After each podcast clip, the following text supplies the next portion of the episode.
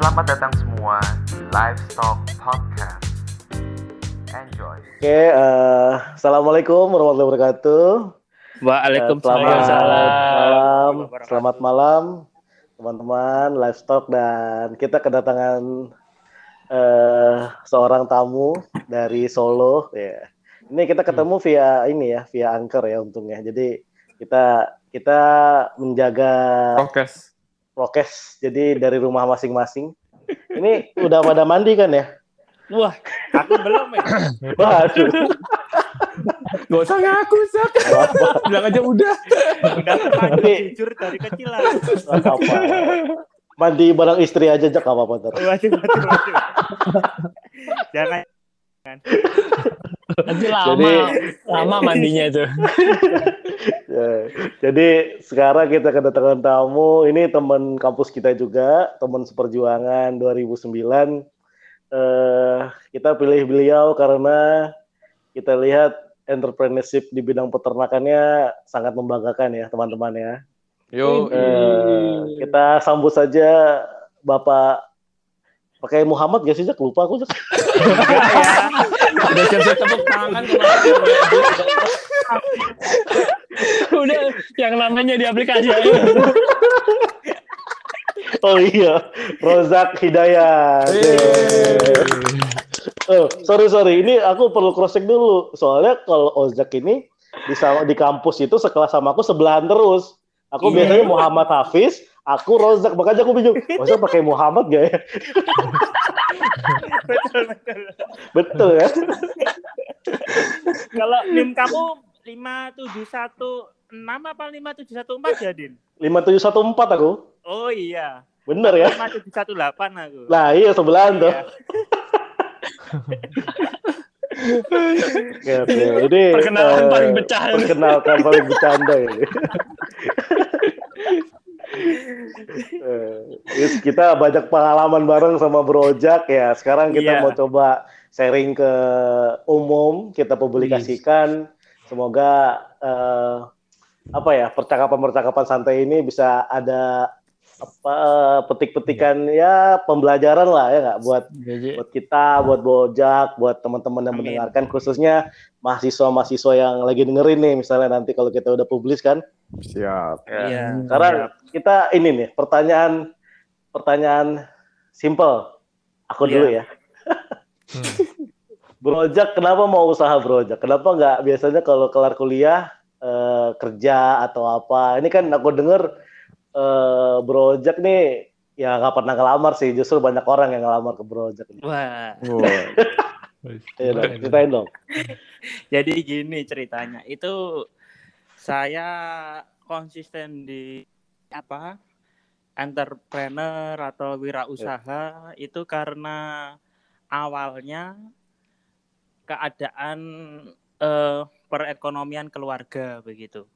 Ya, alhamdulillah saya kan terlahir dari keluarga yang berkecukupan ya. Maksudnya berkecukupan tuh karena kita memang ya selalu bersyukur gitu loh apa pun keadaannya kan.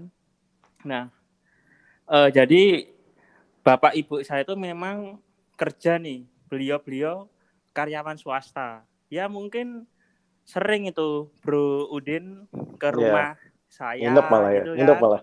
untuk belajar mau ujian tengah semester atau uas gitu loh ya. Oh iya, belajarnya keadaan 10 menit. Iya. Nah, kalau saya ingat beliau itu eh, mungkin ya gajinya tuh eh, nggak nyampe 2 juta gitu loh. Jadi karena keadaan tersebut, tapi beliau semangat untuk eh, membiayai saya kuliah. Nah, dan untuk uang jajan saya memang diberikan sama beliau. Namun eh, saya melihat teman-teman saya, misalnya Bro Udin, terus yang lain-lain gitu kan, kos eksklusif gitu kan. Waduh. Itu Udin. Itu Udin, Udin aja, Beneran, Udin. beneran. Beneran.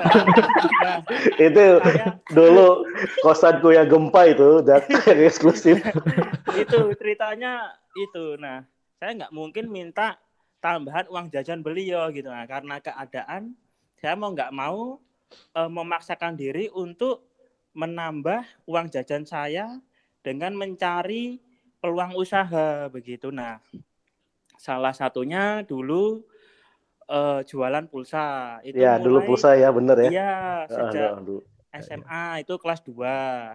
Eh ya bertahan paling lima tahun itu saya jualan pulsa sampai kuliah semester 4. Nah, kemudian setelah pulsa itu kan ya alhamdulillah itu saya eh nurut itu sama ibu saya. Maksudnya nurut tuh karena saya udah eh, berusaha untuk apa? mencoba jualan pulsa dan kok bahasa Jawanya tuh dilalah atau kebetulan Hmm. itu malah laris gitu kan. Nah, udah tahu uang itu kan.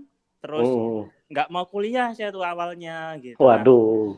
terus ibu saya loh kok kayak gitu kalau kamu sayang sama ibu ya lanjutin kuliah gitu. Nah saya ingat itu eh, apa eh, perkataan beliau. Jadi saya mencoba itu untuk daftar di UGM begitu. Nah saya pilihan pertama itu di eh, Fakultas Teknik. Nah kemudian dua di pertanian, kemudian yang ketiga itu di Fakultas Peternakan Tercipta begitu. Nah. wis. itu tesnya kan hari Minggu. Nah, saya berangkat pagi betul itu habis subuh. Setelah itu eh ya saya belajarnya waktu itu sebelum-sebelumnya saya nggak belajar gitu. Nah, kok kan itu waktu hari Minggu. Nah, Kemudian biasanya kan kalau setelah kita ujian, maksudnya tes gitu kan di majalah Kedaulatan Rakyat atau KR itu kor eh, apa kunci jawaban gitu loh biasanya yang keluar gitu kan. Nah, Mm-mm. waktu hari Minggu tuh saya catat tuh jawaban saya kemudian saya cocokkan itu kok banyak itu banyak banget yang salah. Jadi saya tuh eh, Salah. apa ya Kirain banyak gitu, banyak Kirain yang banyak yang bener. Aduh. beneran ya. Eh, wah banyak itu yang salah. Nah kemudian ya mungkin eh, tipis lah kemungkinan diterima di UGM gitu. Nah terus mencoba di eh, perguruan tinggi swasta yang lainnya itu sudah diterima dan sudah bayar juga tuh di perguruan tinggi swasta yang lain tuh di Fakultas Ekonomi. Nah kemudian eh, saya matur itu sama ibu saya, bu saya udah berusaha maksimal, kemudian hasilnya eh, banyak yang salah ini saya cocokkan. Terus oh ya udah nih masih ada peluang kalau masih mau eh, itu diterima prihatin gitu. Maksudnya prihatin itu kita harus eh, ya memanjatkan doa meminta pertolongan sama Allah gitu kan. Iya. puasa Senin Kamis terus tahajud duha gitu kan. Oh. terus wah itu saya semata-mata ya memang apa ya? Ya pertama tuh waktu itu demi ibu saya gitu saya ingat perjuangan Yeah. beliau itu ya Allah itu sampai saya udah nikah tuh waktu sebelum corona ibu saya Yeah. itu masih ke pasar ya ke pasar kota gede itu beli gorengan dibawa ke koperasi kampus gitu loh itu dijual lah Hmm. keuntungannya itu 100 200 rupiah itu beliau kumpulkan gitu terus padahal kan ya saya sudah menyampaikan ke ibu bu udah di rumah saja maksudnya untuk eh, keseharian insya Allah ya cukup gitu kan. Tapi beliau iya. ya, karena terbiasa gitu kan ya udah tetap jalan. Nah kemudian ya atas izin Allah itu pengumuman apa mahasiswa diterima tuh saya diterima itu di Fakultas Peternakan gitu. Alhamdulillah banget itu. Saya ya pertama nurut lah sama kedua orang tua terus ya itu cerita awalnya itu tadi dari karena keadaan kemudian ya jualan pulsa sejak SMA terus habis itu keterima di Fakultas Peternakan nah terus ada MOS ya itu ya masa orientasi sekolah Siswa. ya Eh, sekolah apa siswa? Sis- Aspek. Siswa, siswa. MOS iya siswa eh MOS sama ospek itu sama ya Ya, pokoknya, pokoknya di pelonco lah. Pokoknya di pelonco Iya, lah. iya. iya makanya masa perkenalan kuliah tuh di Iya. mana gitu kan Mm-mm. kita kan semuanya itu di peternakan nah terus kan kayaknya kan memang dididik untuk wirausaha gitu ya jadi entrepreneur gitu kan Hmm. nah terus ya udah sejak itu saya kok malah jadi tambah semangat ini kuliah tapi sebenarnya belum tahu tuh saya tuh kuliah terus dapat nilai A B C D itu belum tahu benar itu maksudnya eh, misal A itu 4 terus B 3 gitu loh tuh terus Oh. terang tuh semester 1 tuh belum tahu saya nah kemudian semester 2 itu kan ada eh itu Idul Fitri nah kalau Idul Fitri kan pasti kebanyakan pada membuat opor gitu loh memasak Hmm. masakan Iya, iya, iya. opor ayam Iya, Nah, iya. Saya tuh kok ya dilalah ketemu sama eh teman kita Muhammad Lukman Hakim gitu kan Oh, Oke, ya oke, sama-sama oke.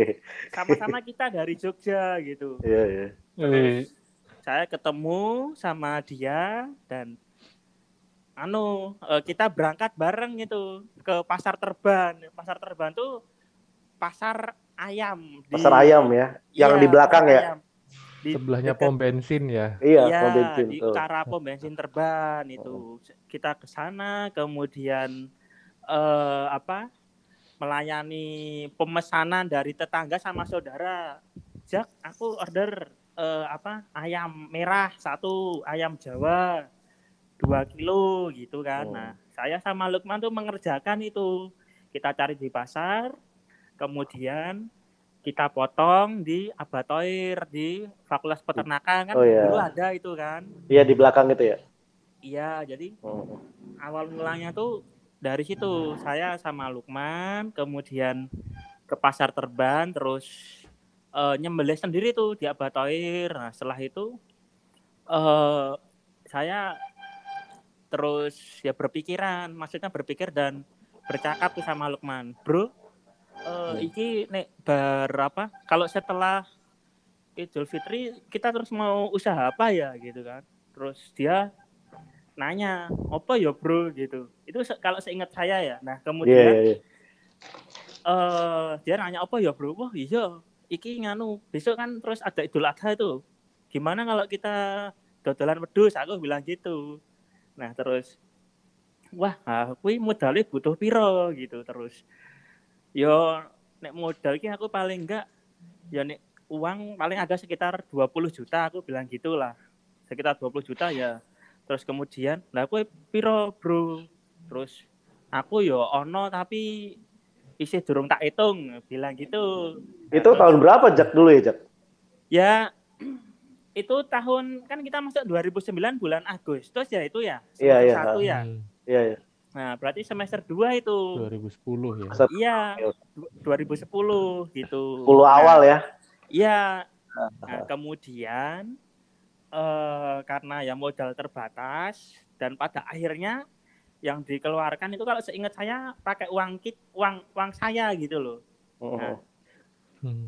Eh, kita karena uangnya juga terbatas ya 20 juta tuh beli domba dapat berapa. Nah, kemudian belum kita mendirikan kandang eh apa sementara gitu nah. Ya, Akhirnya kita cari apa referensi ke kakak angkatan atau alumni yang bergerak di bidang penggemukan domba maupun jualan saat Idul Kurban gitu. Nah, alhamdulillah itu kita eh, langsung silaturahim ke tempatnya Pak Irawan begitu.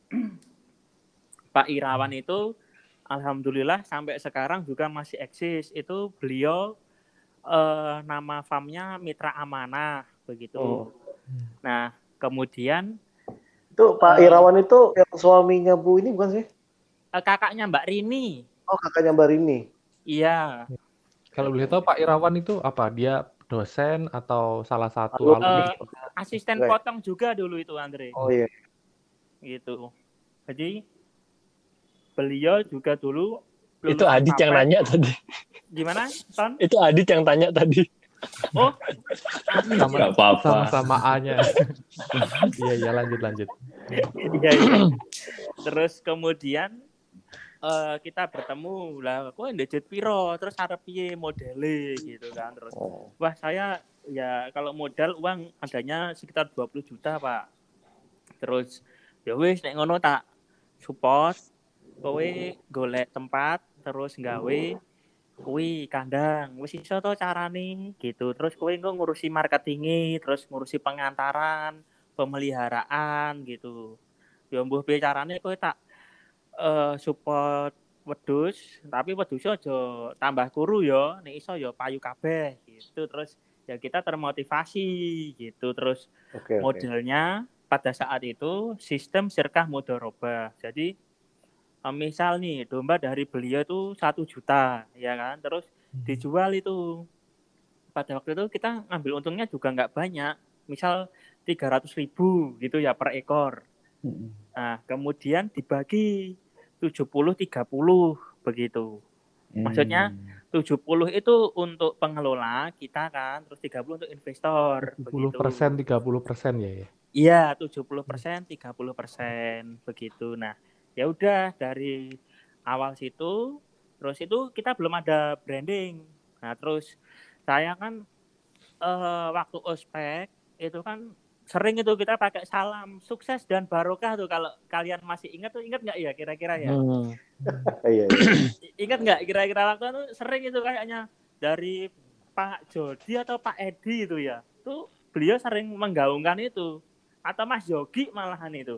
Jadi salam sukses dan barokah gitu terus waktu itu kita makan kan aku Lukman sama Rudi Rudi Iksan nah terus nama anu apa ya bro gitu dia nanya kan terus wah nuwe piye ternak barokah nah gitu terus ya udah saya sama Lukman itu berdua eh, anu Yes. ternak barokah gitu ya Ini cikal bakalnya ternak barokah ya, Jak ya? iya itu kan Oke. Sampai, Iya, sampai perjalanan. sekarang kan masih ya. Iya Iya, ternak ternak Sampai barokah- sekarang. iya ternak barokah ada nih sampai sekarang ada gitu. Tapi pertanyaannya Ozak masih di ternak barokah nggak? nah alhamdulillah ini Apa itu? alhamdulillah ya Belum dijawab. Jawab dulu, Belum keadaannya tuh harus kita syukuri gitu Oh, kan betul, betul, betul. iya beneran itu jadi ya alhamdulillah saya sudah tidak di ternak barokah gitu Nah, bingung kan pada Wah semua. ini, wah ini. Oke. Ini satu topik hangat ini. ya terus gimana nih pertanyaan selanjutnya atau saya lanjut Terus terus saja. Terus, terus, terus, terus, terus, terus. Nah, terus.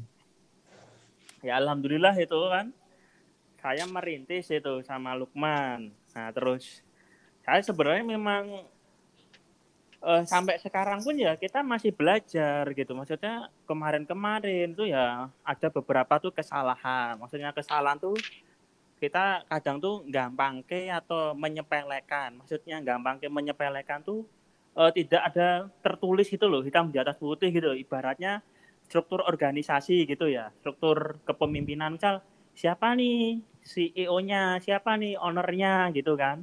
Hmm. Nah itu nggak ada itu, nggak ada tertulisnya gitu loh.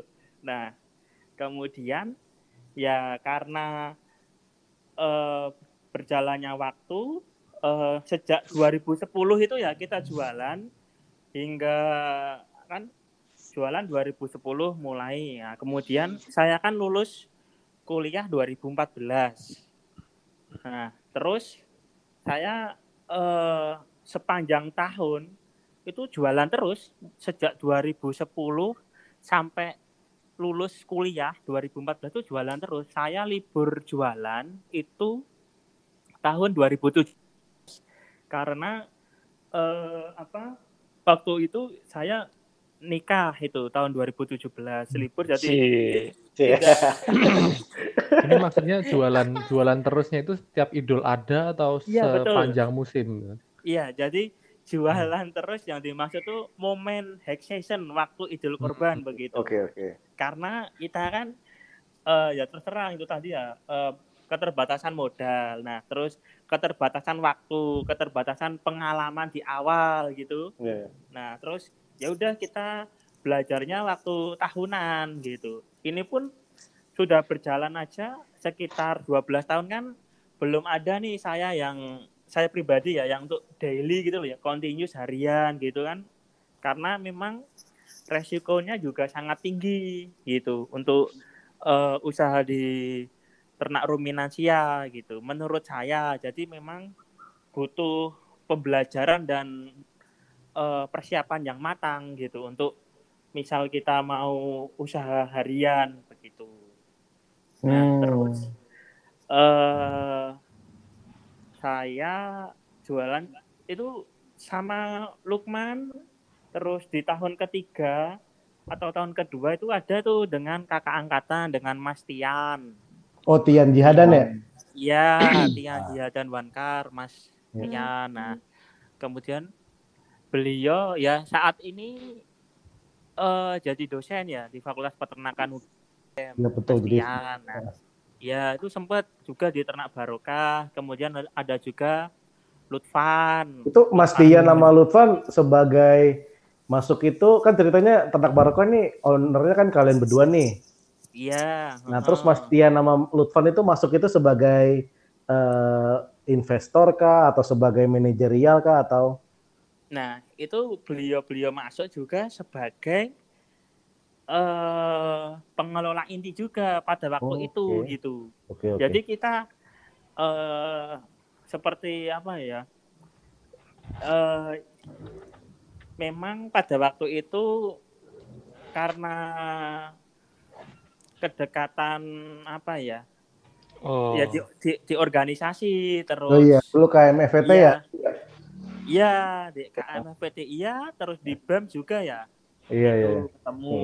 Nah, kemudian kan waktu itu kan saya eh apa? Ya belum kenal maksudnya sama Udin maksudnya mau usaha domba atau apa gitu ya Din ya kita ya. Iya. Terus, Iya. terus ya udah nih jalan nih sama Lukman, Lutfan, kemudian Mas Ian dan ada juga dulu sama Mas Bayu Andri atau Mas Bre itu sempat gabung Oh. juga itu Mas Bre gitu waktu kita jualan di Deresan begitu.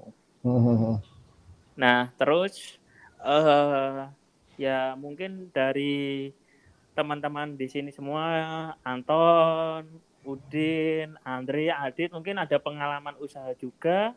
Kalau kita lebih dari satu orang tuh mestinya eh, berbeda kebijakan atau pemikiran gitu yang Pasti, itu pasti. kadang iya menyebabkan apa ya ya mungkin eh, kalau pertemanan persahabatan persaudaraan kita tetap lanjut mungkin terus ya muncul itu tadi loh eh, apa wah ya Yang- udahlah kita mungkin secara apa eh usaha ini kita beda Nggak cocok, betul. itunya. Iya, iya, betul. ya gitu sendiri sendiri terus kemudian tapi tetap jaga komunikasi gitu jadi ya memang pada waktu itu saya sudah pamitan itu sama Lukman tahun 2016 Wah, Itu berarti juga- lumayan lama ya, enam tahun kalian bareng ya?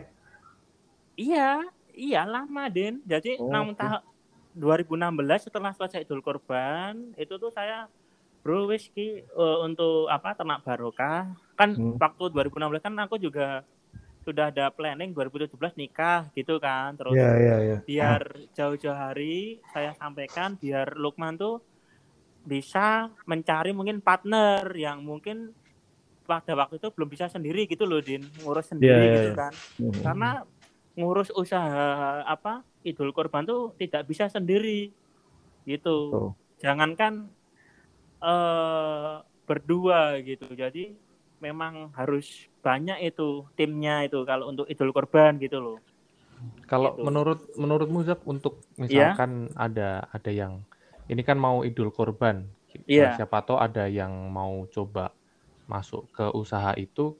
iya Kalau dilihat jumlah orangnya itu yang ideal, kalau menurutmu berapa Iya. sih? Masing-masing misalkan ini ngurusi ini, ngurusi Mm.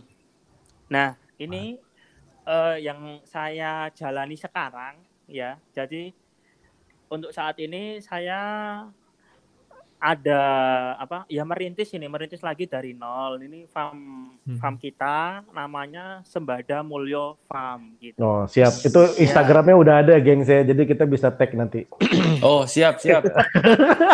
Iya. Nah, Betul, betul. kebetulan saya sebagai CEO. Tapi Oke. Widih. saya mantap. Ya malah lupa nih kepanjangannya CEO tuh lupa kayak apa gitu. Jadi ya, Apa Jack? Yang penting gitu. CEO Jack. Yang penting gitu, CEO Jack. Gak apa-apa. Apa Din? Yang penting CEO gitu. Iya. Jadi, Cari. saya sampaikan itu sama apa tim kita pengelola Iya. itu ada empat orang itu jadi empat orang itu eh, terdiri dari saya CEO kemudian ada direktur operasional itu Muhammad Harfi dia Ya, oh Mas Harfi ya. lulusan dari UMY itu eh, Fakultas UI eh, apa HI HI jadi Hmm. sahabatnya Lutfan Harfi itu Hmm. gitu Hmm. terus ada direktur teknik direktur teknik tuh terkait IT terus administrasi jadi sudah terprogram. Itu namanya Rois. Rois itu lulusan dari UNER eh UNER atau ITS ya? Surabaya itu pokoknya. Oke oke oke. Hmm. Terus? Kemudian ada direktur pemasaran itu adik kelas 2010 Muhammad Zulfikar. Gitu. Hmm. Nah, jadi tadi ada pertanyaan berapa untuk apa ya idealnya? Kalau menurut Hmm. saya ini yang saya jalani sekarang pengelola inti ada empat, ada bagiannya gitu. Jadi eh, masing-masing sudah itu ada yang mengerjakan begitu. Andri, tadi yang Hmm. nanya Andri ya? Adit, Adit, Adit karena repot. kalau ngobrol Coba tes suaranya Andri. Oke, berarti gini aja eh, ada empat orang, berarti eh, dirimu Iki Adit sebagai Pak Andri iki. tadi tadi tadi. Adit. berbicara di sini. Pokoknya Zak Zak. Pokoknya kalau nanya kalau nanya-nanya agak susah itu Adit lah pasti. Adit itu. Gini gini. gini. Berarti kan tadi dari empat orang ya. eh, Iya, dirimu sebagai eh, CEO tadi berarti yang mengkoordinasi semuanya kan. CEO pegang Iya. semuanya ya. Terus iya, satu orang eh, pegang operasional. Berarti operasional ini apa semacam mengelola kegiatan se- eh, sehari-hari begitu ya. kenal Mhm. itu Detailnya gimana tuh?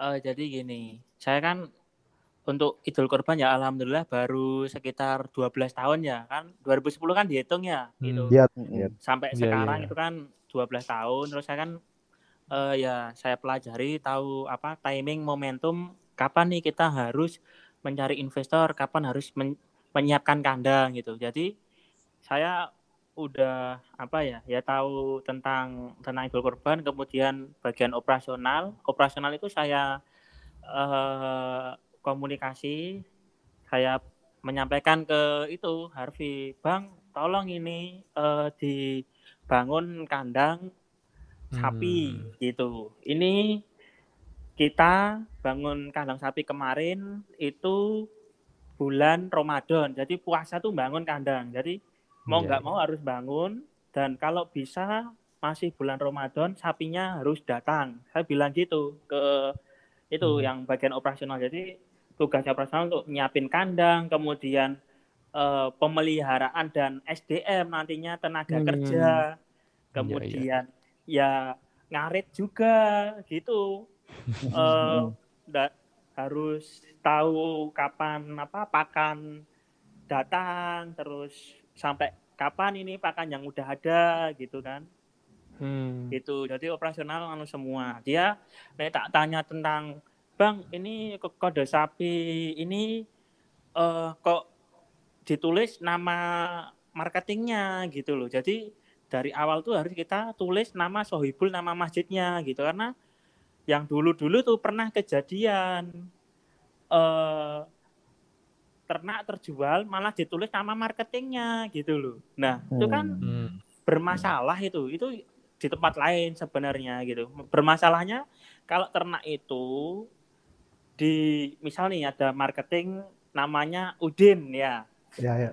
Hmm. nah terus yang beli Rozak gitu kan nah terus sama apa bagian eh adminnya ditulis Udin, Oh. padahal yang beli Rozak kan. Nah, terus Rozak tuh niatnya mau dikirim ke pondok pesantren. Nah, dikirim tuh ke pondok pesantren.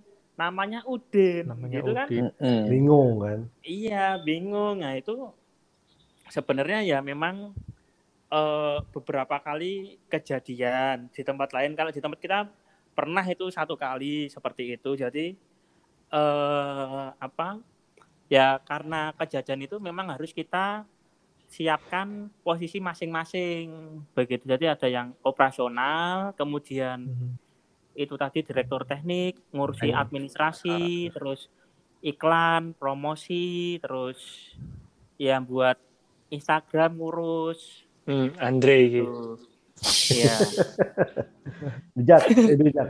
Pertanyaan ini non teknis sih, lebih ke eh, Iya. ini apa, lebih ke pas tahun 2010 eh Iya. lo jualan mulai ternak barokah dulu eh inget nggak lakunya berapa ekor kambing, berapa ekor domba, berapa ekor sapi yang udah kejual bersih gitu? Nah, eh alhamdulillah Awal-awal, tuh awal-awal dari awal tuh kita jualannya tuh domba gitu, Din. Jadi Oke. yang Oh belum iya. belum kambing ya? Eh, kambing itu jarang gitu. Permintaan di Jogja kan jarang gitu. Oke oke. Hmm. Jadi untuk awal-awal itu seingat saya laku ya sekitar 80 ekor pada waktu itu. Wih, Wah, banyak. 80 Mm-mm. atau sampai 100 ya. Jadi waktu itu saya kan sama Lukman bangun kandang. Nah, bangun kandang itu di tahun sebelumnya itu sudah ada lapak lain yang biasa jualan di situ gitu. Tapi Hmm. kita bangunnya lebih duluan. Nah, kandang sudah kita dirikan tuh di bagian depan ya kan. Nah, Oke. Nah, terus mosok eh, tiang kita dari bambu itu digraji bagian bawahnya. Ya terus semende iki kan terus wah akhirnya ya waktu itu kita ya mahasiswa terus kebetulan yang eh, jualan tahun-tahun sebelumnya tuh juga dari kampus juga itu laboran Hmm. itu. Nah, Mm-mm. terus Oh. karena kan kita juga nggak tahu ya kita minta maaf tapi kok caranya begini gitu kan bisa Oh, la- laboran itu ya, yang potong ya? eh, repro Oh, repro, oh ya, ya. A- aku tahu orang itu.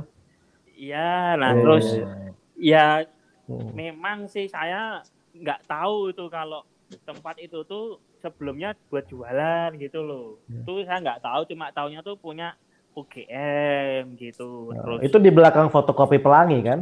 iya heeh, di Eh, utara jadi- utara jadi Dep- Utaranya depannya betul. iya depannya di yang jualan ayam itu bukan sih? betul betul Wah. yang kremesnya banyak gitu Andre ya. bener.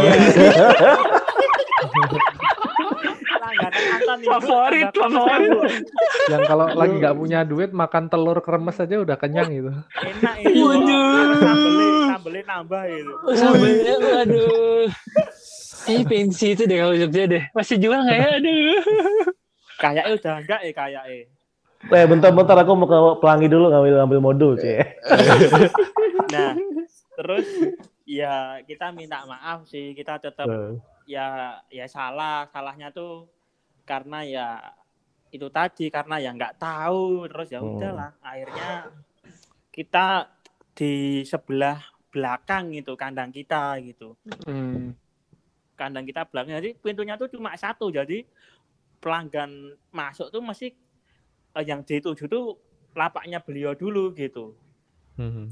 terus saya artinya meskipun kandang kita di belakang nah terus di depan kandang itu saya taruh kursi-kursi berhadapan gitu loh maksudnya berhadapan kan eh, kandangnya tuh menghadap ke selatan ya nah Hmm. Terus di depan kandang tuh kursi hadap ke selatan sama ke hadap ke utara. Tuh saya eh, minta tolong sama teman-teman deket saya yang artinya teman ya teman main gitu loh. Iya, iya. Ya teman-teman apa ya gojek-gojek terus ya pokoknya ya alhamdulillah beliau-beliau sampai sekarang ya teman deket gitu. Jadi itu dibantu sama beliau-beliau eh, kita kumpul tuh di kursi. Jadi kalau ada pelanggan mau masuk, nah kita semua berdiri terus monggo mari gitu. Jadi Oh, Orang- oke. Oh, orang iya. masuk itu memang parkirnya di depan lapaknya itu sebelah tapi belinya di tempat kita gitu jadi wah Hmm. Nah, ini trik. waktu. Trik orang Strategi Jawa ini. Trik orang Jawa ini. Ini trik- namanya ngajeni. Ah, Iya. itu. betul nyuma nggak ake Ya. itu memang kalau diusahakan memang harus selalu kita anu ya ya di dunia kerja kan juga harus seperti itu ya jadi kita menghormati itu terkadang yang dilupakan itu sama ya orang gitu loh jadi memang servis itu memang harus kita perhatikan seperti itu dan dan alhamdulillah setiap tahunnya tuh omset dan keuntungan itu naik gitu Wih. Orang semakin Betul. semakin tahu ya apa namanya ternak barokah gitu ya semakin.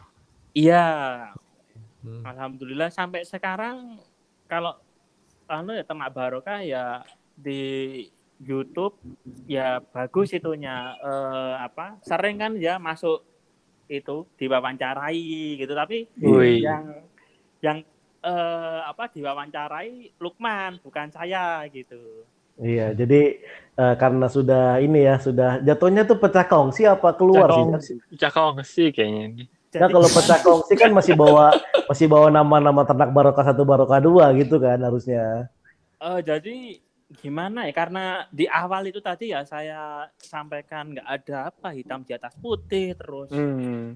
eh saya ini untuk keluar pun ya nggak ada ibaratnya kayak gono gini gitu loh aku wis Mhm. mem- membesarkan atau Iya. apa nge-branding ternak barokah terus kata temen apa prestis gitu jadi terkait itu juga yang saya apa merintis lagi dari nol tuh kalau di googling ya di Google itu kita ketik owner ternak barokah atau CEO itu nggak ada nama saya gitu loh.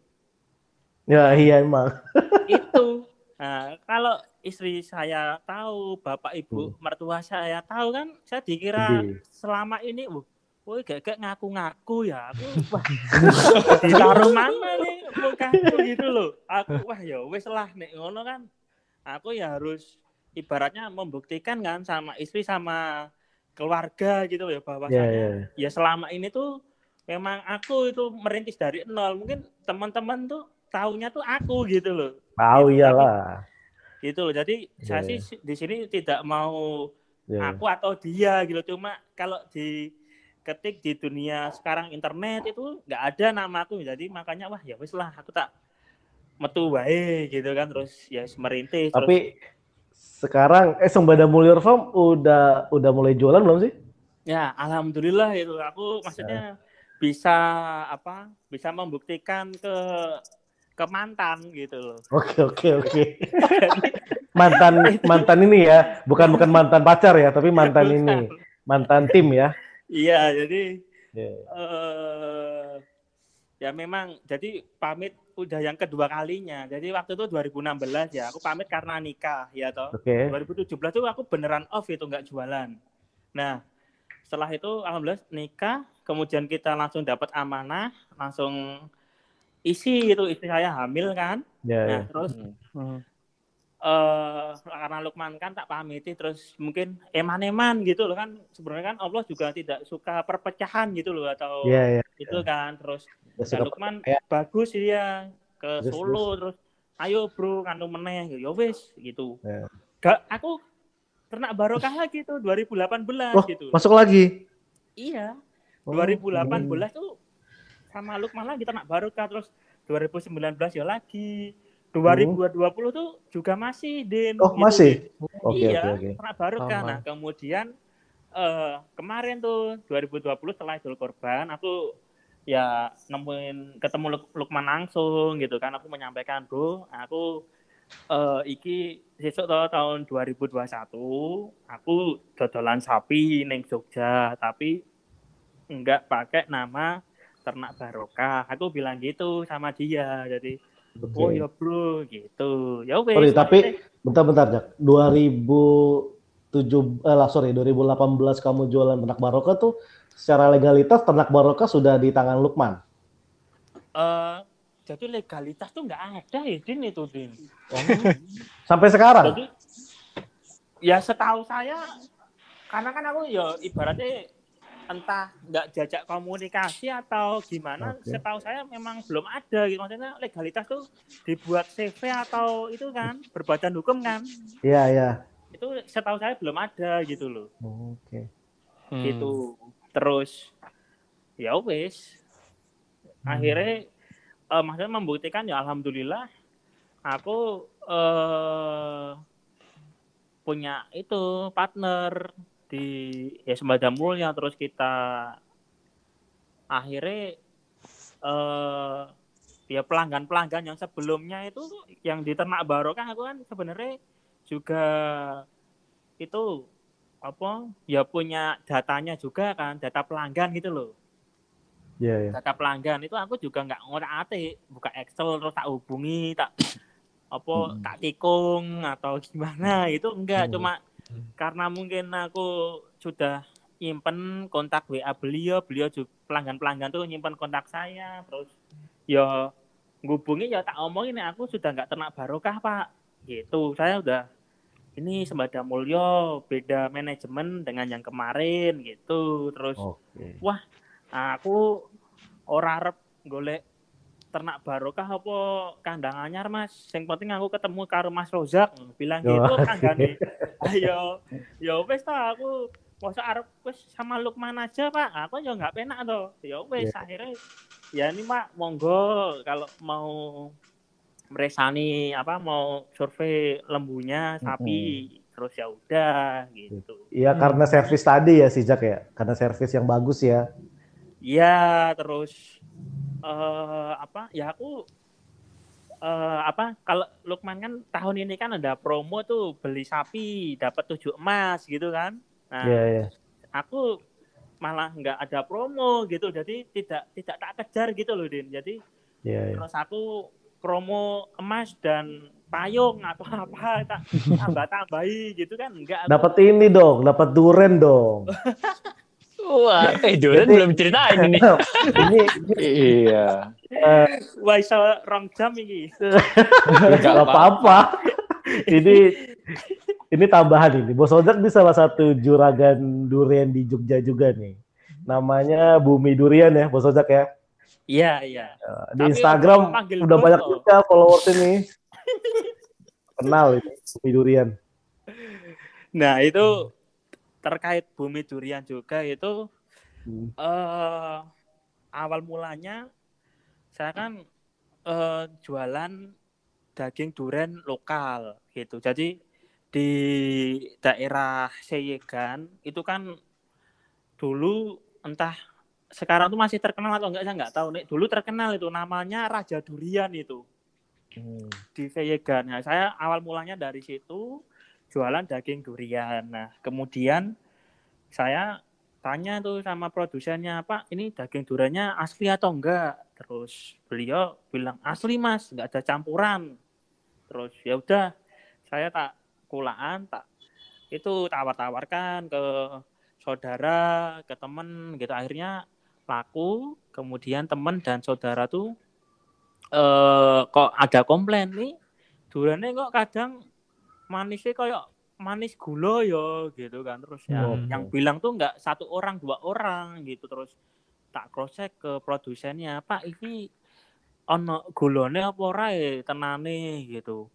Yo ono mas. Loh kok kemarin bilangnya nggak ada pak gitu. Terus Nah, gulone kan fungsinya dienggo kui pengawet alami bilang gitu. Wah ayo aku kan yo nggak penak pak sama itu pelanggan kalau caranya kayak gitu. Wong aku bilangnya tanpa tambahan gula gitu. Nah terus wah yo jane rapopo mas? Koyo ono yo rapopo piye pak? Aku terus habis itu yang yang kedua toh yang kedua dia bilang tuh produsennya garansi mas nek ono kecut diganti gitu. Nah terus eh apa waktu itu ada komplain kalau kecut. Nah, saya kan ya menyampaikan, maksudnya aku nggak mau minta ganti, cuma menyampaikan Pak, kui durane kecut ya Pak, daging durane kecut terus. Wah, kui paling ora ono kesalahan kui saka pelanggane sing anu kesuwen gitu terus. Oh iya Pak, nanti tak sampaikan itu aku nggak ganti terus beberapa kali ada yang komplain lagi tuh terus aku malah ada percakapan dia tuh kok malah kayak orang percaya tuh sama aku dikira aku gawe-gawe apa itu loh golek-golek gitu golek Hmm. ijol apa gimana gitu. Akhirnya aku ya wis nih wis koyo ngono toh wong aku nggak maksudnya nggak golek-golek terus ngomong apa enenge akhirnya ya wis aku nggak kulaan di situ lagi aku beranikan kulaan dari Medan gitu. Nah, ini awal- dari Sumatera dari Sumatera. Itu. Nah, terus eh itu durian tuh sejak tahun 2012 itu saya anu durian itu. Jadi memang eh, usaha anu Idul Kurban dulu tahunan jadi yang harian tuh jualan durian itu. Jadi kemudian dari berawal dari durian lokal, kemudian Sumatera datangin itu pernah juga ketipu 35 juta itu durian Wah. Sumatera. Nggak, Jadi kan- ditra- nggak dikirim apa gimana? Jadi eh, karena mau panen raya, panen kan biasanya bulan November Desember. Nah, kemudian eh, supplier minta itu DP, Mas. Kalau mau apa? Panen dapat barang ya. Iya, dapat barang, petani nitip uang. Nah, itu pada waktu itu aku Hmm. memang udah hubungannya ya paling enggak lima bulan tuh apik terus lah anu dia itu eh, apa tanggung jawabnya gitu. Jadi ada komplain tuh diganti tuh sama dia gitu loh. Nah, terus eh ya udah aku transfer tuh 35 juta. Itu aku ketipu tuh tahun 2017 itu. Pas kan aku nikahnya Hmm. bulan Agustus itu nikah bulan Agustus aku transfernya sekitar bulan Juli jadi Waduh. ngen ngen ngen iki bar nikah terus panen duren gitu loh dodolan gitu loh. Wah nggak tahu nih malah kapusan aku. Waduh. Terus ya aku dapat itu apa ya dapat nasihat dari yo dari kedua orang tuaku terus dari masku terkait sebelum apa nikah itu kan aku juga sebenarnya ker- kerja itu din. Aku sempat masuk di SMDBP itu din. Aku din lulus Oh, lulus 2014 oh iya ding, sempat ini ya, sempat sempat Iya. masuk PNS ya waktu itu ya. Eh belum belum PNS. belum. Jadi ibaratnya ya eh, koordinasi langsung sama dinas pertanian itu apa Kementan Oh iya Itu. iya iya. tahu. langsung dari Jakarta itu gajinya. Wah pada Iya. waktu itu lulus ya toh di Jogja dapat gajinya sekitar dua juta lima ratus. Wah itu udah gede tuh menurut orang-orang Jogja. iya di Jogja tuh wah wes penak gitu loh kayak kerjanya kan pendampingan yang itu kelompok tani ternak gitu loh. Jadi wes iya. iya. eh, bulanan ya ada anu, tapi aku kan ibaratnya nggak nggak seneng kalau maksudnya orang ngopo-ngopo tapi oleh gaji gitu loh aku Iya, iya. merasa tuh kerjanya ini kayak kayak kayak magabut gitu loh makan gaji buta gitu lah wah wis mending dienggo koncoku liyane lah sing membutuhkan nah pada akhirnya tahun 2017 tuh aku pamitan tuh mau diperpanjang. Aku pamitan tuh sama eh, dinas atau sama mana tuh lupa. Pada ini Pak ini saya nun sewu Pak mau pamit karena mau apa ngurus nikah. Karena apa calon saya itu dari Solo jadi harus sering keluar kota. Aku bilang gitu terus Pak saya Hmm. tanggung jawabmu piye Mas? Nah, iki kowe kudu ndampingi kelompok tani ternak wah nggih Pak. Niki kalau tak pados nganu lah. Apa eh yang sanesipun jadi eh, orang lain gitu lah untuk gantiin saya. Andilalah ada teman kita tuh Chandra Pungki. Waktu itu kan Chandra si Capung itu kan habis lulus tau terus "Oh, Yeah. wis oleh gawean durung? Iki penak iki gaweane. Aku bilang gitu nih Jogja. Terus habis itu dia wah tenane Pak iki dinaik aku gitu. Wah tenan aku gitu. Terus habis itu akhirnya melamar kan. Ya alhamdulillahnya tuh diterima. Tapi eh yang pusat itu tahunya tuh aku masih diperpanjang gitu loh. Jadi terus kok rojak jadi ngene iki kerjane? Gitu loh. Terus terus habis itu ya tak clearkan tuh nek.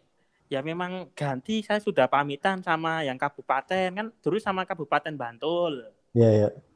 gitu ya mungkin capung ya bisa keterima ke PNS aku ya belum sharing-sharing sama capung kok iso ki piye ceritanya apa ada sangkut pautnya sama pendam itu loh SMDWP Wah. kan mungkin Dia tuh ini Bisa. aja, mujur aja mujur.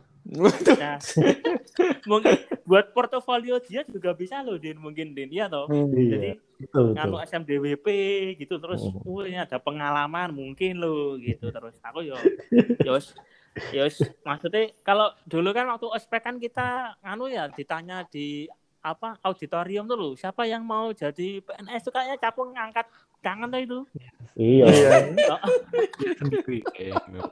Keinget kasihan iya bener.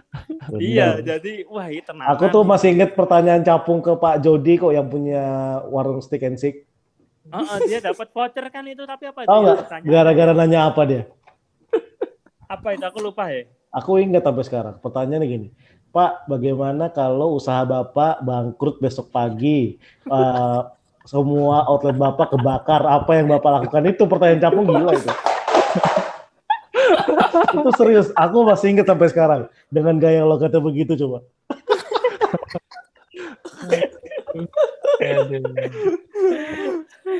Aku malah lupa gitu. Tapi memang nganu kok dia Yono hebat. Maksudnya sampai sekarang gitu tetap konsisten gitu mau jadi PNS dan alhamdulillah yo tercapai juga kan ya Betul. jadi di PNS. Nah, Iya, iya. ya udah terus akhirnya tentang itu tadi durian aku terus ya berpikiran masa aku mau jualan gini-gini terus gitu loh mau jualan eh, bahan bakunya aja. Jadi kan aku jualan daging durian kan untuk menyediakan di itu kan bakul es campur es oyen gitu loh.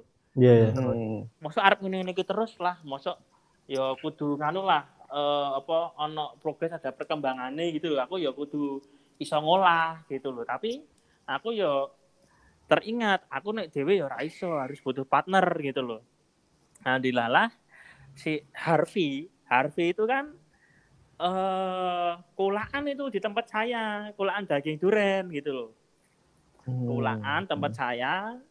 Ya sebelum kulaan tempat saya dulu kan itu tadi ya di depan tak sampaikan kalau Harvey kan sahabatnya si Lutfan di Iya, iya. SMA nah terus Lutfan pindah ke Cirebon ada freezer isi durian itu dititipkan sama Harvey. Tolong ini pelanggan-pelanggan di Jogja kalau pesen durian di itu dilayani. Ya gitu. Terus akhirnya Harvey eh apa di apa ya itu ya ya wes pelangganku kamu lah kamu layani gitu. Akhirnya Harvey itu jualan di jualan di Jogja. Dan sebenarnya Harvey itu aslinya juga Majalengka. Kemudian udah KTP Jogja juga terus jualan duren ambil di tempat saya tuh saya support. Artinya saya Oke, oke. support freezer yo saya itu ada tiga pada waktu itu kemudian isi ya udah dibawa dulu nanti kalau misal udah laku baru bayar gitu Dropship, dropship ya. Eh, bukan kalau dropship kan itu ya Kirim Tidak. doang. iya kirim doang tapi dia Oh tuh iya. sewa kios sewa Oke, kios oke. gitu terus eh, bapak ibu beliau kan di itu di Majalengka eh, pensiunan disupport tuh sama Harvey Eh, kan biasanya kalau kerja terus masa tuanya pas setelah pensiun kan wah mau usaha apa gitu loh nah sama Harvey dikasih ide tuh jualan es duren dan akhirnya berjalan itu di Majalengka ada kedai rumah duren jadi Hmm. sudah ada olahan-olahan tentang tentang durian gitu loh entah durian goreng terus Jadi Ya. men- menjalar ke mana-mana ya Jack ya? iya iya keren, nah keren, keren, keren. nah kemudian eh, waktu itu tahun 2020 Harvey kan di Jogja kan di Solo kan. Terus aku ketemu di Jogja. Tak tanyain piye Ki, kita mau apa eh lebih lanjut kerjasama nih enggak? Gitu. Aku ada gambaran nek Arab pengen gawe olahan es terus kita yo sewa tempat yang nganu lah sing apa layak jadi orang makan duduk menikmati duren gitu. Itu Hmm. kalau tak pikir tuh di Jogja belum ada gitu loh terus Mm-mm.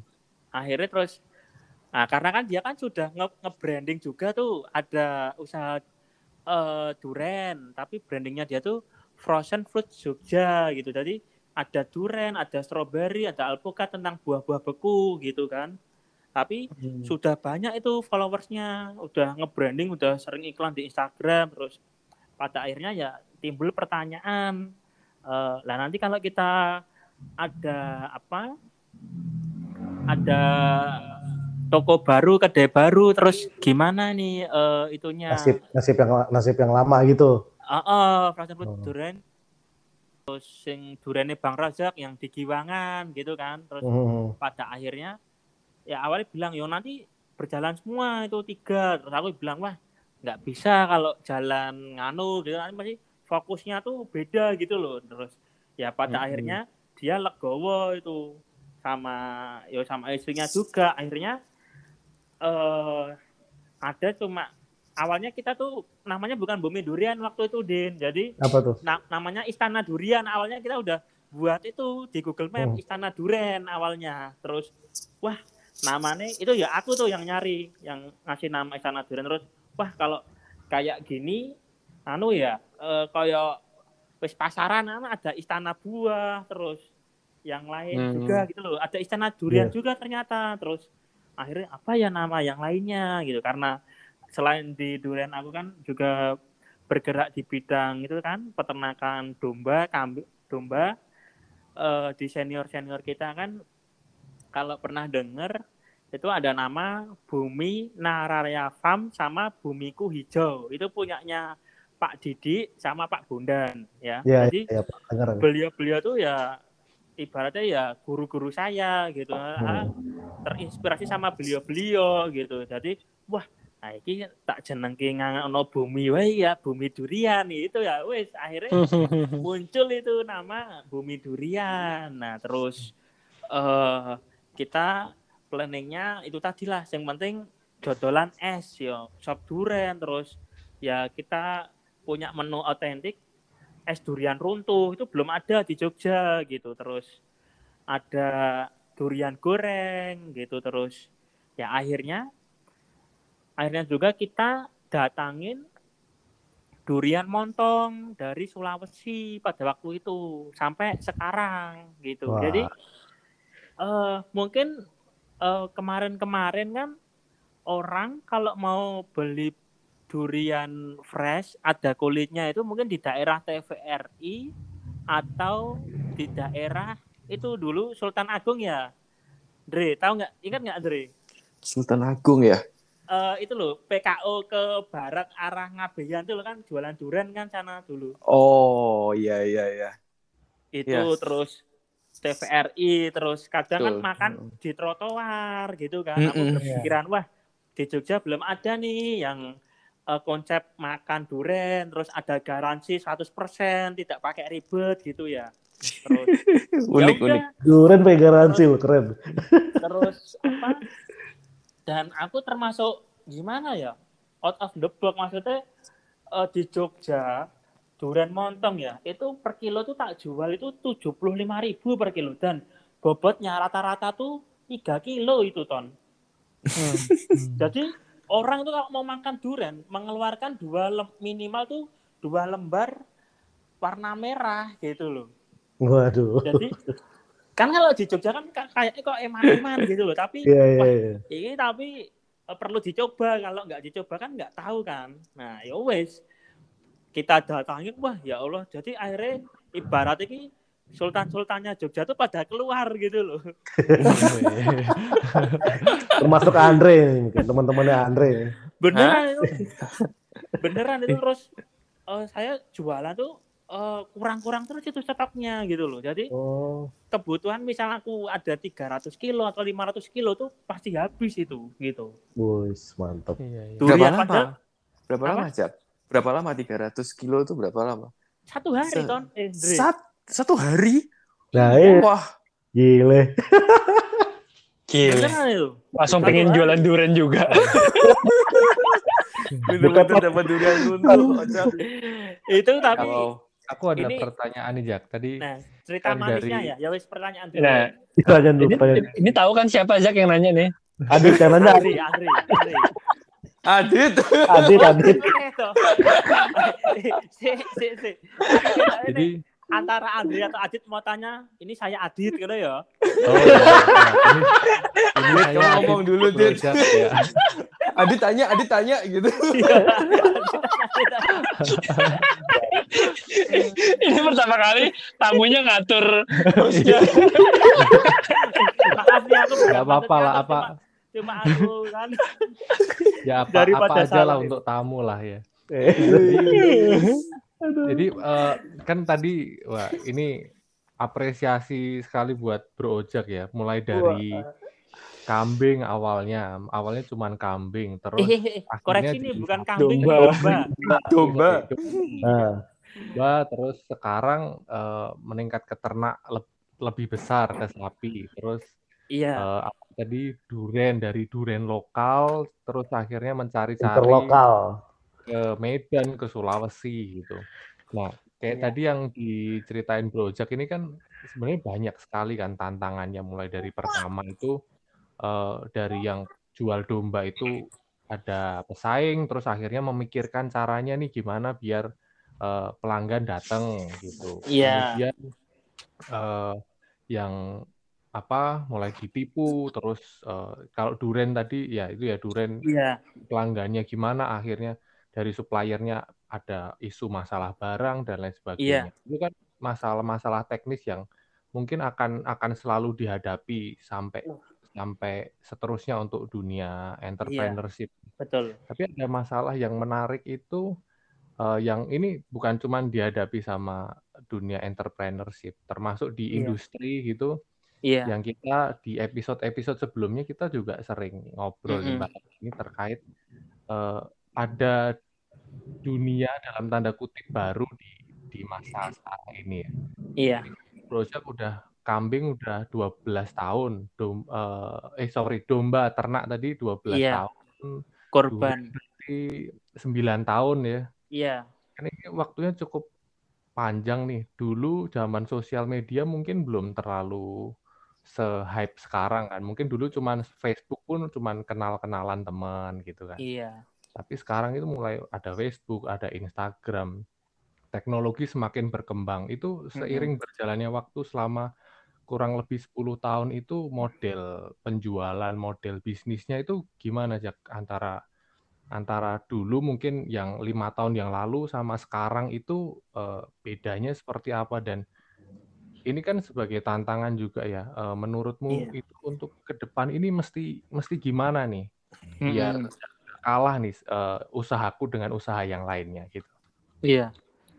Jadi eh, untuk pertanyaan dari Bro Adit sebenarnya eh, udah terjawab di itu eh, sharing saya yang tadi. Jadi artinya eh, dulu sama sekarang terkait apa eh, sistem atau marketing atau trik atau tips eh, menjual. Kita kan dulu misal belum ada Instagram belum eh, segencar IT sekarang gitu kan. Jadi eh saya tuh dulu ya pernah ikut semacam seminar gitu ya. Yang saya ingat sebenarnya kalau kita mau nge nge-branding itu bukan nge-branding ibaratnya lapak kita. Maksudnya bukan Hmm. misal dulu aku ada ternak barokah bukan nge- branding ternak barokah terus sekarang sembada mulya tuh bukan nge-branding sembada mulya begitu Adi jadi branding sebenarnya tuh nama kita sendiri gitu loh. Eh, jadi nama saya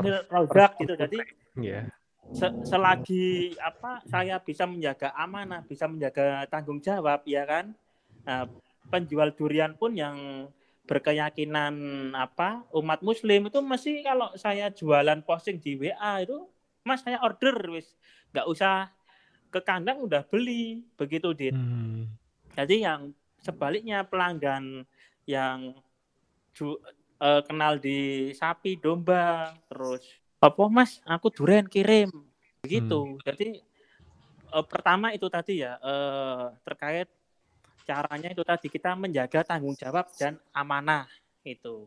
Terus Hmm. yang kedua tidak dipungkiri sekarang memang eranya era IT ya, makanya di eh, apa kepengurusan atau pengelola yang sekarang ada bagian itu direktur teknik untuk mengkondisikan di itu di apa internet begitu ya entah di Instagram kemudian Hmm. kita ada juga baru tahun ini kita pakai iklan di koran ada wawancara gitu. Terus Hmm. juga kita pakai YouTube begitu. Memang kita tidak bisa nih kita usaha sendiri berdiri sendiri itu nggak bisa. Harus eh, berkolaborasi eranya sekarang begitu.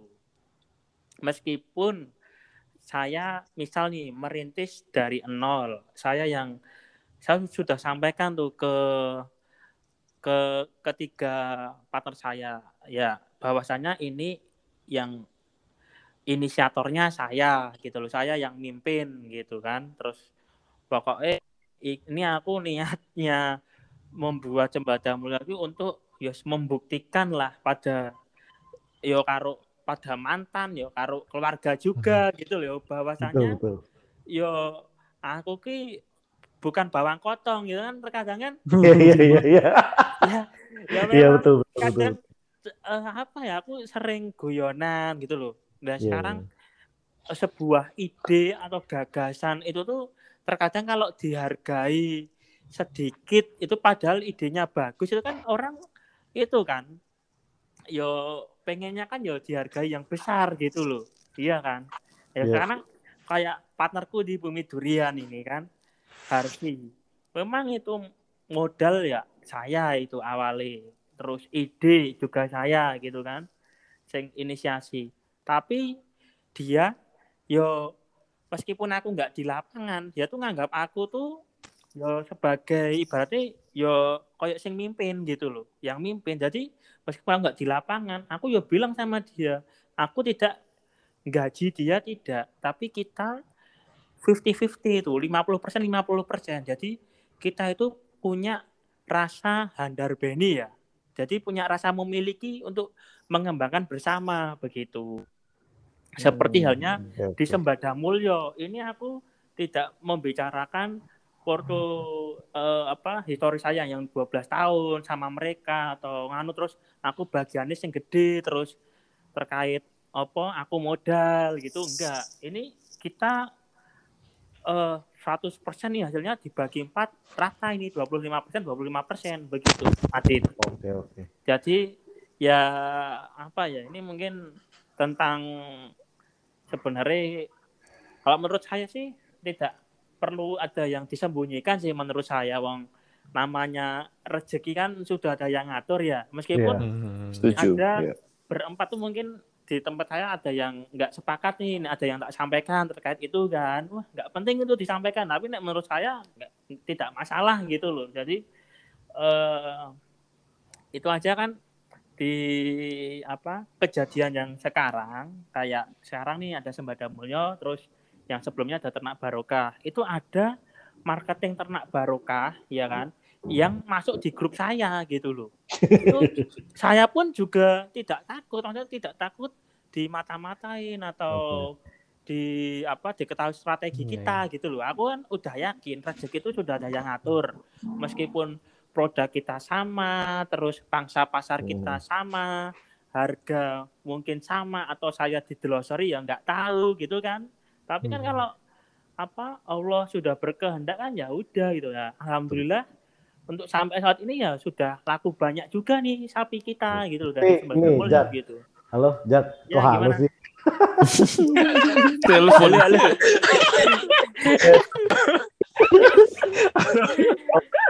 Eh, total ini mau tanya nih kan eh, kan gue ngadirin eh, ojek nih sebagai sosok entrepreneurship. Sekarang karyawan ada berapa orang ya?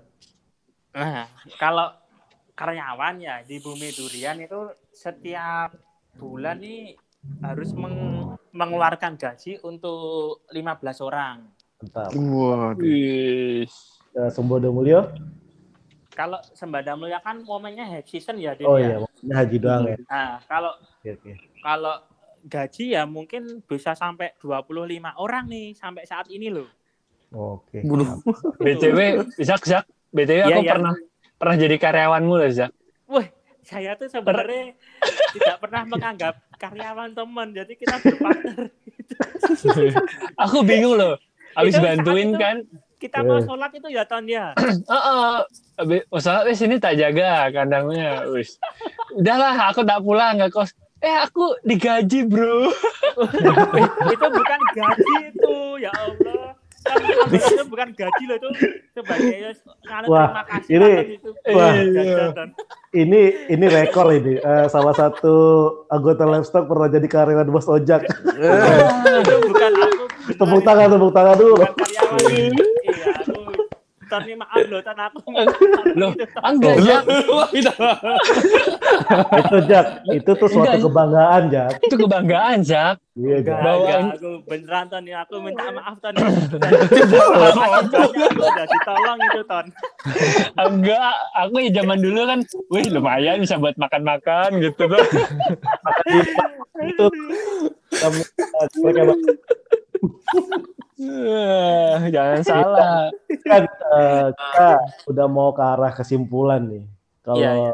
dari apa masa-masa dalam entrepreneurship, dalam kuliah, eh, ini bagi-bagi ini kita tujuannya ke mahasiswa-mahasiswa mungkinnya yang mungkin Iya. dalam sambil wirausaha. Ada ini enggak sih eh, saran kata-kata kunci lah. Maksudnya kita tidak perlu menjabarkan sebanyak mungkin, cuman kata-kata kunci ini global untuk eh, kalau semua mau semua mahasiswa mau entrepreneurship ini loh kata kuncinya gitu loh. Ada ada nggak? Jak? kata kuncinya apa ya Saran, Ya, maksudnya saran, maksudnya saran. apa gitu? kalau aku sih orangnya ya bisa dibilangi gimana ya Din Hmm. ya kayak ya seneng guyonan gitu loh Din aku jadi kayak kata kunci itu sebenarnya ya kalau obrolan yang sering tak sampaikan sama Harwi gas gas terus gitu jadi Oh. kita tidak ada ibaratnya mundur gitu nggak ada kan pernah berarti tuh di Maju terus gitu ya. Iya, jadi kan eh syaratnya arep maju ki cuma siji gitu kan. Pernah itu di grup itu ada Udin nggak ya itu ya? Ada Terus, ada. iya kan? Apa kuwi syaratnya yo? Siji, ojo mundur gitu. yo, Oke, ya itu oke. sih jadi eh kita meskipun nih saya memang posisinya di rumah terus ini aku sering di rumah loh. Jadi Bumi Durian tuh udah dipegang sama Harvey, dia di di lapangan dan di kandang pun saya juga ibaratnya eh bayi pun gitu. Saya yang cari supplier sapi, ini saya telepon, saya minta tolong dikirim speknya se- seperti ini ya udah dikirim. Aku yang transfer lewat m banking gitu. Durian juga gitu. Yang cari barang, cari supplier, gitu saya gitu.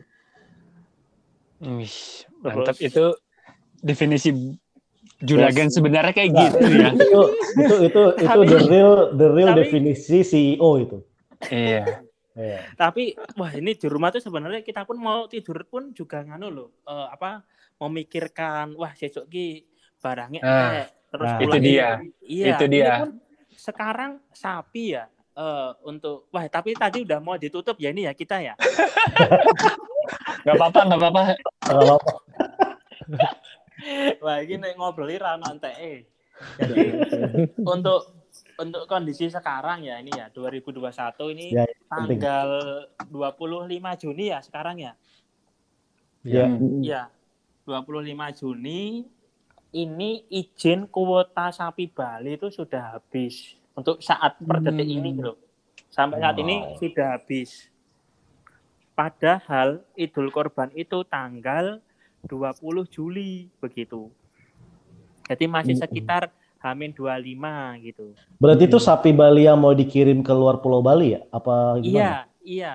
Eh, Oke. izin dari Bali dikirim ke luar Bali itu habis gitu. Namun petani-petani, peternak sapi Bali itu mengajukan aspirasi ke anggota dewan, ke dinas pertanian gitu. Jadi eh, memohon untuk eh, kuota di catur wulan keempat itu minta tolong di Buka lagi. ajukan iya jadi ditaruh di bulan ini satu bulan ketiga gitu loh karena kan momen apa high season gini kan petani lebih untung tuh menjual gitu loh Ya, harganya gitu jadi Hmm.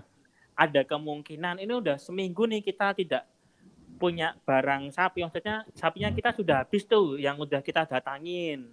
Terus permintaan masih ada. Nah, terus ya sejak seminggu kemarin pengajuan aspirasi terus, terus ya mudah-mudahan di minggu depan atau Hamin tiga minggu tuh bisa turun izin lagi. Nah, kemudian Amin. sapi bisa didatangkan lagi. Gitu. By Nah, the way, Jack, sapi lo udah juga jual berapa ekor, Jack? Nah, ini ceritanya eh, belajar atau data sebelumnya di tahun 2020 ya, itu masih sama brand yang sebelumnya. Itu kan kita terjual 250 ekor, ya kan? Sapi. Iya, sapi tahun Wah, tahun mantap. kemarin ya, Din ya. Iya, 2020 iya. ya. Tahun Berarti kemarin. miliaran omsetnya ya? Gimana? Miliaran berarti omsetnya ya? Wah, enggak yo. Yuk, masa nggak miliaran no? omset, Yo. bos? Kalau Yo. 250 ekor kali 10 juta aja kan udah. Yo, maksudku yo, yo enggak salah, Din. Oh iya. Asik ini, bos. Pokoknya ono Merendah anu, banget loh. Yang dengeri loh aku ndak malah disurati gitu. Loh, enggak. Justru harus justru harus sombong, Jak. Nah, Terus, terus, kemudian terus. gini ceritanya. Itu kan kita kan ya wis nge- buka lapak sendiri-sendiri ya. Artinya Iya, iya. Kalau dibagi dua kan paling enggak wah tahun ini terjual 125 125 gitulah. Iya, iya. Bod, hitungan bodohnya. Nah, nggak tahunya eh Lukman itu kemungkinan tuh sudah laku 200 ekor, Din. Oke. Nah, tapi ya alhamdulillah tempat tempat kita, tempat saya itu 300. eh ya sudah mendatangkan 315 tuh tinggal 5 ekor. Wih, mantap. Tepuk tangan, tepuk tangan. Nah, kemudian ini pun eh, masih ada permintaan itu sejumlah 30 ekor yang Oke, Sep- sapi Bali. Iya, speknya tuh Oke, bukan yang oke. tersedia. Jadi yang tersedia itu bobot di bawah 300 gitu. Hmm. Itu ya biasanya dicari sama lembaga-lembaga itu Din biasanya atau Iya. kalau Idul Kurban kan sapi kan tujuh orang, biasa terus Iya, iuran patungan- kan tiga ya. eh, patungan 3 juta kali tujuh kan 21 juta ya kan. Mhm. Terus misal cuma dapat enam orang nih, nah terus dapat sapi yang itu tadi yang tersedia yang masih ready gitu. Nah terus Mhm. yang 30 ekor ini budgetnya ya sekitar 21 juta, 20 juta begitu. Oke, oke. Ini sudah sudah pasti itu udah orang nitip uang. Jadi aku beli sudah laku gitu. Iya, iya, iya. Tinggal dikirim aja ya. Iya, tapi ya ini ya sebenarnya juga deg-degan juga karena kan sapi perjalanan jauh ya dari Iya, mesti Bali sampai ke Jogja kan Iya, pastinya iya. kan harus adaptasi kandang, mesti ada penyusutan, terus kembali ke performanya gitu kan, terus makannya kan eh, pakannya sapi Bali kan juga nggak nggak gampang gitu loh, Iya. harus banyak Keren, seratnya gitu kan. Ya sebenarnya sih banyak obrolan yang secara teknis bisa kita gali sih, cuman karena Oh, iya. karena kalau kita bicara kayaknya lima jam juga nggak cukup nih bro, Oca, karena Oh, iya. pengalamannya Iya. pengalamannya eh, satu, Satu ini semester satu, paling enggak ini. satu semester kayaknya nih, mungkin mungkin nanti season 2 mungkin nanti kita lihat ada mungkin tahu-tahu bos Ojak udah bisnis udang atau bisnis yang Wah. lain mungkin kan siapa tahu kan untuk mencari keran-keran Iya, yang iya, lain iya. ya Kak? Ya, Pokoknya gas terus Jack pokoknya. Oke, Ojo mundur. terus ya semoga nganu lah yang aku sampaikan ini tadi bisa ada manfaatnya gitulah Oh, meskipun pasti ada. amin, amin, amin. Menginspirasi. Oke, ngomongnya ini kita ngidul gitu. eh, livestock disclaimer dulu ya bahwa hal ini tidak menyudutkan siapa pun, tidak Iya. menyudutkan eh, mantannya usaha ojek bersama. Ini cuma cerita dari Iya. awal kuliah sampai sekarang. Mm-mm. Eh, Alhamdulillah eh, banyak ilmu yang kita dapat, pengalaman-pengalaman juga yang didapat sama Ozak bisa di-share ke teman-teman semua. iya. Gim- Teman-teman ada yang mau ditanyakan lagi nggak atau bagaimana? Oke, paling Sudah cukup. komplit banget iya. Keren sih. Ya kalau nggak kalau nggak lagi corona mungkin kita lagi di bumi durian nih, Jack. Wah, Iya. boleh. Wah, iya. Pasti kita datang. Montong. Iya. Kita siap. Boleh lah Oke. mungkin eh, segera kita bisa bertemu tapi nggak usah ada rekaman-rekaman tuh. Paparasi. siap siap. Oke. Thank you ya Bos Ozak. Eh, Ya. Salam buat Thank Siap. you, thank you. Thank you. Thank Zak. you. Sama-sama. Terima kasih semuanya buat sehat Bro selalu. Udin, Bro Anton, Bro Adi, Bro Andri, semuanya. Terima kasih.